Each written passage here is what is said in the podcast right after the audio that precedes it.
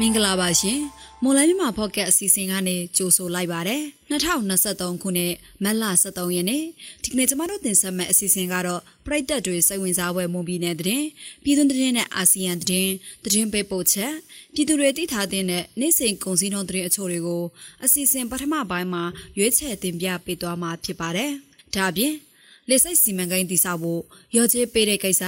မြေပိုင်ရှင်တချို့မကျေနပ်မှုတွေဖြစ်နေတဲ့ဆိုတဲ့သတင်းပေးပို့ချက်ကိုလည်းတင်ဆက်ပေးပါအောင်မယ်။ဟုတ်ကဲ့ပါ။ဒီကနေ့အစီအစဉ်မှုကတော့ကျမနွန်တဲ့ကတာဝန်ယူတင်ဆက်သွားမှာဖြစ်ပြီးကျမနဲ့သူကိုအာကာကသတင်းတွေကိုကူညီဖက်ကြားပေးသွားမှာဖြစ်ပါတယ်။နားဆင်ကြတဲ့ပရိသတ်အားလုံးကိုမင်္ဂလာပါလို့နှုတ်ခွန်းဆက်သပါရစေ။ကျွန်တော်အာကာနွန်တဲ့နဲ့သူသတင်းတွေကိုကူညီတင်ဆက်ပေးသွားမှာပါ။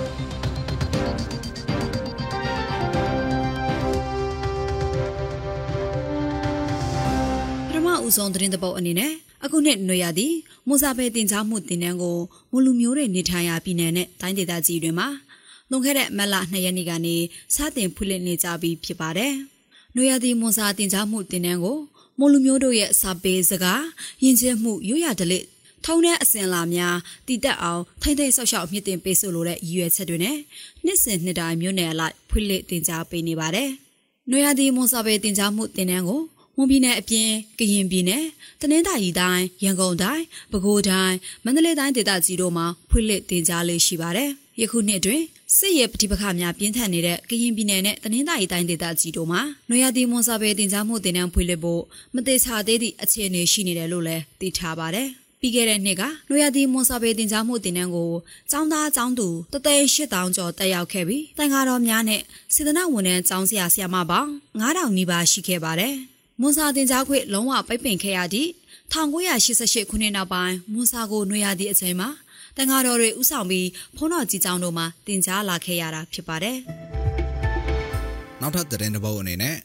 တနင်္လာရီတိုင်းဒေသကြီးလောင်းလုံမြို့နယ်မှာစစ်ကောင်စီတပ်စစ်ကြောင်းထိုးဝင်ရောက်လာမှုကြောင့်ဒေသခံ2000ကျော်ဘေးလွတ်ရာကိုထွက်ပြေးတိမ်းရှောင်နေကြရတယ်လို့ဒေသခံတွေကပြောပြလာပါတယ်။စစ်ကောင်စီတပ်အင်အား90ကျော်လောက်ကလောင်းလုံမြို့နယ် ငါးအုပ်စုကြေးရွာလို့ခေါ်တဲ့ကြောက်စင်တဘောစိတ်ပြင်ကြီးကရင်ကြီးကမ်ပဏီစတဲ့ကြေးရွာတွေကိုပြီးခဲ့တဲ့အပတ်ကလေးကစစ်ကြောင်းထိုးဝင်ရောက်လာခဲ့ကြတာပါစစ်ကြောင်းထိုးလာတဲ့စစ်ကောင်စီတပ်တို့ဟာကြေးရွာအတွင်းကိုတနက်နဲ့ရန်တမ်းပစ်ခတ်ခဲ့တဲ့အပြင်နေအိမ်တွေကိုမိရှို့ဖျက်ဆီးတာဒေသခံတွေကိုဖမ်းဆီးခေါ်ဆောင်တာတွေလည်းလှုပ်ဆောင်ခဲ့တယ်လို့သိရပါတယ်လက်ရှိမှာတော့စစ်ကောင်စီတပ်စစ်ကြောင်းထိုးဝင်ရောက်ခဲ့တဲ့ကြောက်စင်တဘောစိတ်ပြင်ကြီးကရင်ကြီး ကမ်ပဏီစတဲ့ရွာတွေမှာနေအိမ်ဆယ်လုံးထက်မနည်းမီးရှို့ဖျက်ဆီးခံရတာရှိပါတယ်။လောင်းလုံမြို့နယ်အတွင်းမှာမတ်လဆန်ပိုင်းကစစ်ဆောင်သူ380ဝန်းကျင်သာရှိခဲ့ပြီးယခုအခါစစ်ဆောင်ပြည်သူ2000ဝန်းကျင်အထိတိုးလာတယ်လို့စစ်ဆောင်အရေးကူညီနေသူတို့ကပြောပါတယ်။ လက်တလောအခြေအနေတွေအရထွက်ပြေးတိမ်းရှောင်နေရတဲ့သူတွေဟာနီးစပ်ရာကြေးရွာတို့မှာခိုလှုံနေကြရပြီးစစ်ကောင်စီတပ်တွေပြန်လည်ရောက်ရှိလာမှာကိုစိုးရိမ်နေကြတဲ့အတွက်နေအိမ်ကိုမပြန်ရဲကြသေးဘူးလေဒေတာခန်တွေကပြောကြပါတယ်ခင်ဗျာနောက်ထပ်သတင်းသဘုတ်အနေနဲ့ရန်ကုန်တိုင်းဒေသကြီးတာမွေမြို့နယ်အတွင်းမှာစေးကြောက်အစီနဲ့ချောကလက်မုတ်ပြုလုပ်ရောင်းချသူအမျိုးသမီးတဦးကိုမက်လ၈ရက်နေ့နေ့လယ်ပိုင်းကဝင်ရောက်ဖမ်းဆီးခဲ့တယ်လို့မက်လ73ရက်နေ့စစ်ကောင်စီသတင်းစာမှာဖော်ပြထားပါတယ်။ ဆေးကြောက်ထည့်သွင်းပြီးချောကလက်မုတ်လုပ်တယ်လို့ယူဆတဲ့အိမ်ကိုဝင်ရောက်ရှာဖွေဖမ်းဆီးရမှာစုစုပေါင်းဆေးကြောက်305ဂရမ်ဆေးကြောက်အစီ60စီစီဆေးကြောက်အစီနဲ့ရွနှောပြုလုပ်ထားတဲ့ချောကလက်မုတ်124ခုတို့ကိုတင်ဆက်ရခဲ့မိပါတယ်။ပြီးခဲ့တဲ့ရက်ပိုင်းကလည်းလမ်းမတော်မြို့နယ်အမှတ်9ရပ်ကွက်ကအမျိုးသမီးတဦးနဲ့အမှတ်30ရပ်ကွက်မှာနေထိုင်တဲ့အမျိုးသားတဦးတို့ဟာကုကီမုတ်တွေတဲ့စေးကြောက်တွေထက်တွင်ပြီးအွန်လိုင်းမှာရောင်းချနေတာကြောင့်ဆိုပြီးတော့စစ်ကောင်စီကဖမ်းဆီးခဲ့ပါသေးတယ်။ ဒါကြောင့်တပတ်အတွင်းဆေးချကိုပုံစံမျိုးစုံပြောင်းလဲပြီးမုတ်တွေထဲမှာထည့်သွင်းတာမုတ်မျိုးစုံပြုလုပ်ရောင်းချသူ၃ဦးအထိကိုစစ်ကောင်စီကဖမ်းဆီးခဲ့တာလည်းဖြစ်ပါတယ်။ဖမ်းဆီးရမိသူ၃ဦးလုံးကိုလည်းမူရစ်စေဝါနဲ့စိတ်ကိုပြောင်းလဲစေသောစေဝါများဆိုင်ရာဥပဒေအရအရေးယူထားတယ်လို့လည်းသိရပါတယ်။ အခုဖန်စီရမိသူတွေကအွန်လိုင်းအပါအဝင်နီလုံးမျိုးစုံနဲ့စေးကြောက်တွေကိုဝယ်ယူခဲ့တာဖြစ်တယ်လို့စိတ်ဆောက်အစီထုတ်တာအပါဝင်အသုံးပြုပုံတွေကိုလည်း online သင်တန်းတွေကနေသစစ်လေ့လာသိရှိခဲ့ကြတာလို့သိရပါဗျ။တစ်ဖက်မှာလည်းစစ်အာဏာသိမ်းပြီးနောက်ပိုင်းမြန်မာနိုင်ငံမှာဘိုင်းစိုက်ပြိုမှုနှစ်ဆတက်လာသလိုဘိုင်းအထွက်နှုံလည်းပြန်ပြီးထိုးတက်လာနေတယ်လို့ကုလသမဂ္ဂရဲ့အစည်းအဝေးတွေအရသိရပါဗျ။နောက်ထပ်သတင်းတစ်ပုဒ်အနေနဲ့ကရင်လက်နက်ကင်တပ်ဖွဲ့စည်းလုံးညီညွတ်ရေးကော်မတီနဲ့ ကရင်လူထုသွေးဆောင်ပွဲတရက်ကို2023ခုနှစ်မတ်လ10ရက်နေ့ကကျင်းပခဲ့တယ်လို့သိရပါတယ်။ကရင်ငင်းချမ်းရေးကောင်စီ KNU KNAA PC ထိန်းချုပ်ရာတယူကျိုးကြေးရွာမှာပြုလုပ်ခဲ့တဲ့ကရင်လက်နက်ကင်ခေါင်းဆောင်တွေနဲ့လူထုသွေးဆောင်ပွဲမှာတော့ကရင်လက်နက်ကင်အဖွဲ့အစည်းတွေကြားပြန်လည်ပေါင်းစည်းနိုင်ရေးကိစ္စရပ်တွေအပြင်ကရင်ပြည်နယ်အတွင်းတိုက်ပွဲမဖြစ်ပွားရေးအချင်းချင်းကြားမတိုက်ခတ်ရေးကိစ္စတွေကိုအဓိကပြောဆိုခဲ့ကြတာပါကရင်လက်နက်ကင်များပြန်လည်ပေါင်းစည်းရေးနဲ့ပတ်သက်ပြီး ဒေသခံလူထုတွေရဲ့မေးမြန်းချက်တွေကိုကရင်လက်နက်ကင်ခေါင်းဆောင်တွေကတိကျသေးကြတဲ့အဖြေမပေးနိုင်ခဲ့ဘူးလို့ကရင်သတင်းဌာန KIC ကရေးသားထားတာကိုတွေ့ရပါတယ်လူထုအသွေးဆောင်ပွဲကို KNU ဘက်ကဥက္ကဋ္ဌဗိုလ်ချုပ်ကြီးစောမှုသူစေဖို့ KNA စစ်ဦးစီးချုပ်ဗိုလ်ချုပ်ကြီးစောကျော်နီ KNU တမဟာခွနဲ့တမဟာမူဗိုလ်မှူးချုပ်စောဖော်တို့ဗျူဟာမှူးစောတီကွယ်ခရိုင်ဥက္ကဋ္ဌဘဒိုးစောအောင်မော်အေးနဲ့ KNU ဗဟိုကော်မတီဝင် ဘဒိုးစောတမိန်ထွန်းတို့တက်ရောက်ခဲ့ကြပါတယ်ပြီးတော့ BGF ခေါင်းဆောင်ဗိုလ်မှူးချုပ်စောချစ်သူကရင်ငင်းချင်းရေးကောင်စီ PC ခေါင်းဆောင်ဒေါက်တာနော်ကပေါ်သူဒီမိုကရေစီအကျိုးပြုကရင်တပ်မတော် DKB ရဲ့ခေါင်းဆောင်ဗိုလ်မှူးချုပ်စောဆန်းအောင်စတဲ့အဖွဲ့တွေရဲ့ထိပ်ပိုင်းခေါင်းဆောင်တွေအသီးသီးတက်ရောက်ခဲ့ပြီး KNU ဖန်ခရိုင်မှမြို့နယ်၃ခုမှဒေသခံလူထု900ကျော်တက်ရောက်ခဲ့ကြတယ်လို့သိရပါတယ်ခင်ဗျာနောက်ဆုံးသတင်းသဘောက်အနေနဲ့ မြန်မာနိုင်ငံမှာလက်ရှိဖြစ်ပေါ်နေတဲ့လူအခွင့်အရေးချိုးဖောက်မှုတွေအတွက်ကုလသမဂ္ဂလုံခြုံရေးကောင်စီအနေနဲ့2022ခုနှစ်ကချမှတ်ခဲ့တဲ့အဆုံးဖြတ်ချက်ပေါ်အခြေခံပြီးတိတာထင်ရှားတဲ့အဆုံးဖြတ်ချက်တွေချမှတ်တင်တယ်လို့ HRW လူအခွင့်အရေးစောင့်ကြည့်ရေးအဖွဲ့ကတိုက်တွန်းလိုက်ပါတယ်။ကုလသမဂ္ဂအတွင်းရေးမှူးချုပ်ရဲ့မြန်မာနိုင်ငံဆိုင်ရာလူအခွင့်အရေးအထူးကိုယ်စားလှယ်နိုလိုင်းဟေးစာနဲ့အာဆီယံအဖွဲ့ရဲ့အလှည့်ကျဥက္ကဋ္ဌတာဝန်ယူထားတဲ့အင်ဒိုနီးရှားနိုင်ငံသားရေးဝန်ကြီးလည်းဖြစ်မြန်မာနိုင်ငံဆိုင်ရာအာဆီယံအထူးကိုယ်စားလှယ်လည်းဖြစ်တဲ့ Radno Masito တို့ဒီကနေ့မက်လာ73ရက်နေ့မှာလုံခြုံရေးကောင်စီမှာမြမအရေးအစီရင်ခံစာတွေတင်သွင်းဖို့ရှိနေချိန်မှာပဲ HRW ရဲ့တိုက်တွန်းချက်ကဒီကနေ့ထွက်ပေါ်လာပါတယ်။2023ခုနှစ်ဖေဖော်ဝါရီလတရက်နေ့မှာအာနာသိမ်းယူပြီးတဲ့နောက်ပိုင်းမြန်မာစစ်တပ်ရဲ့လူအခွင့်အရေးချိုးဖောက်မှုတွေပေါ်ပြစ်တင်ဝေဖန်ထားတဲ့2022ခုနှစ်ဒီဇင်ဘာလဆုံးဖြတ်ချက်ကိုလုံခြုံရေးကောင်စီအနေနဲ့ပြန်လည်အကောင့်ထဲပေါ်ဖို့ HRW ကတိုက်တွန်းထားပါတယ်။ လုံခြုံရေးကောင်စီရဲ့အဲ့ဒီလှုပ်ဆောင်မှုဟာမြန်မာစစ်တပ်ရဲ့အခွင့်အရေးချိုးဖောက်မှုတွေကိုတကမ္ဘာလုံးကအဆောက်ကြည့်အရေးယူနိုင်မဲ့ပထမခြေလှမ်းလည်းဖြစ်ပါတယ်။ကုလသမဂ္ဂပဋိညာဉ်စာချုပ်ပါအချက်အလက်တွေရငင်းချမ်းရေးကိုချိန်ချောက်တဲ့လှုပ်ဆောင်မှုငင်းချမ်းရေးပြပြအောင်လှုပ်ဆောင်မှုကျူးကျော်ရန်စားမှုတို့လှုပ်ဆောင်ခဲ့ရင်တည်ငြိမ်အေးချမ်းမှုနဲ့လုံခြုံမှုပြည်လည်ပေါ်ပေါက်လာရေးအတွက်လုံခြုံရေးကောင်စီကအကြံပြုချက်ပေးတာသို့မဟုတ်ဘာတွေဆက်လောက်ဆောင်တည်တယ်ဆိုတဲ့ဆုံးဖြတ်ချက်ချမှတ်တာတွေလုပ်ရမှာဖြစ်ပါတယ်။ အသွင်ရမှုချုပ်ရဲ့အထူးကိုယ်စားလှယ်နဲ့အင်ဒိုနီးရှားနိုင်ငံသားရေးဝန်ကြီးတို့အနေနဲ့မြန်မာစစ်တပ်ဟာလူတွေတပ်ဖြတ်နေတယ်၊ညှဉ်းပန်းနှိပ်စက်နေတယ်၊တရားလက်လွတ်ဖမ်းဆီးချုပ်နှောင်နေတယ်၊စစ်ရစဝတ်မှုတွေကျူးလွန်နေတယ်ဆိုတာကိုတိတာပေါ်လွင်အောင်တင်ပြတဲ့ပြီးပြစ်မှတ်ထားအရေးယူမှုတွေလောက်ဆောင်လာအောင်တိုက်တွန်းပြောဆိုတဲ့လို့ဒီကနေ့ထုတ်ပြန်တဲ့ HRW ရဲ့ကြေညာချက်မှာဖော်ပြထားပါတယ်။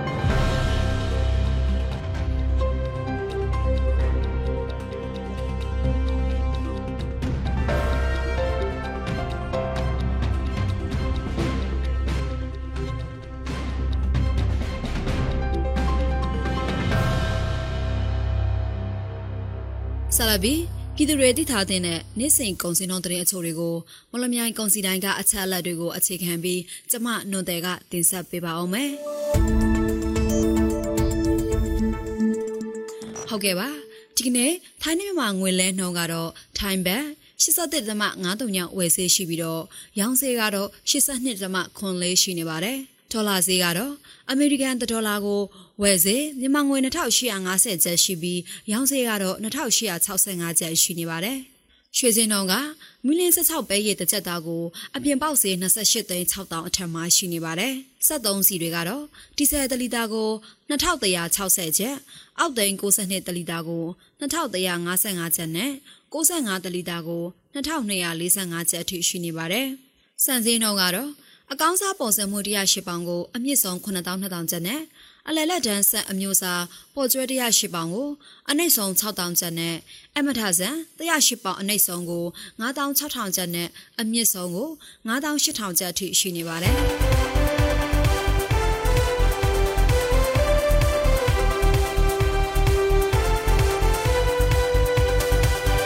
အခုတင်ဆက်ပေးသွားခဲ့တာက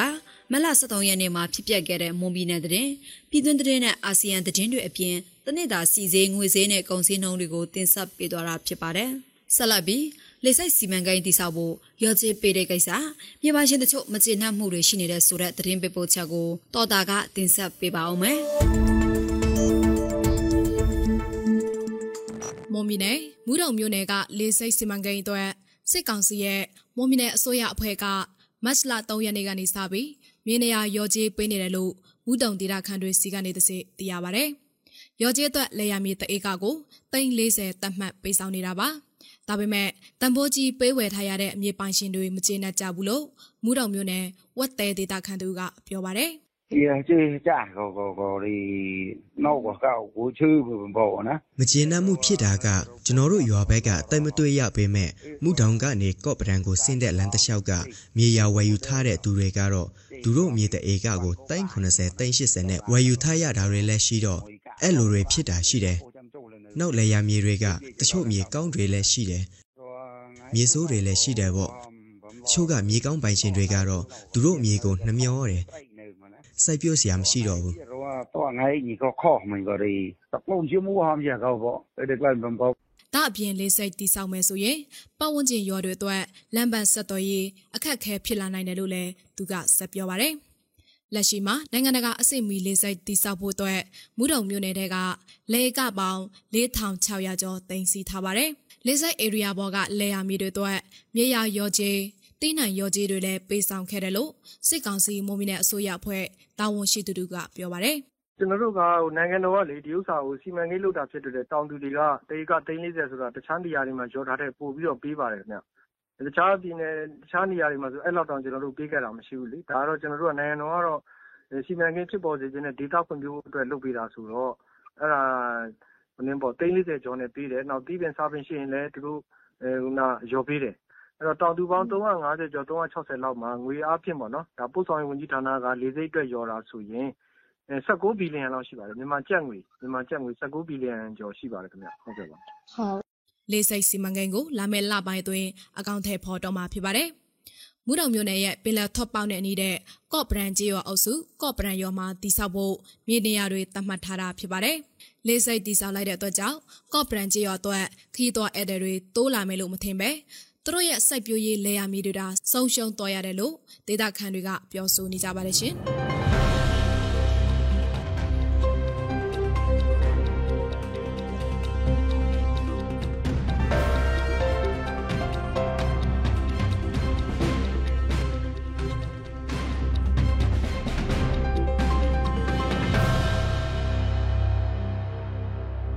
ကျွန်တော်တို့ရဲ့မွန်လန်းမြန်မာပေါ့ကတ်အစီအစဉ်ဒီမှာတင်ပြီးဆုံးပါပြီ။ နားဆင်ကြတဲ့ပရိသတ်အားလုံးကိုနောက်နေ့အစီအစဉ်တွေမှာဆက်လက်အားပေးကြပါအောင်လို့ဖိတ်ခေါ်ရင်းအစီအစဉ်ကိုအဆုံးသတ်ပါရစေအားလုံးကိုကျေးဇူးတင်ပါတယ်ခင်ဗျာ။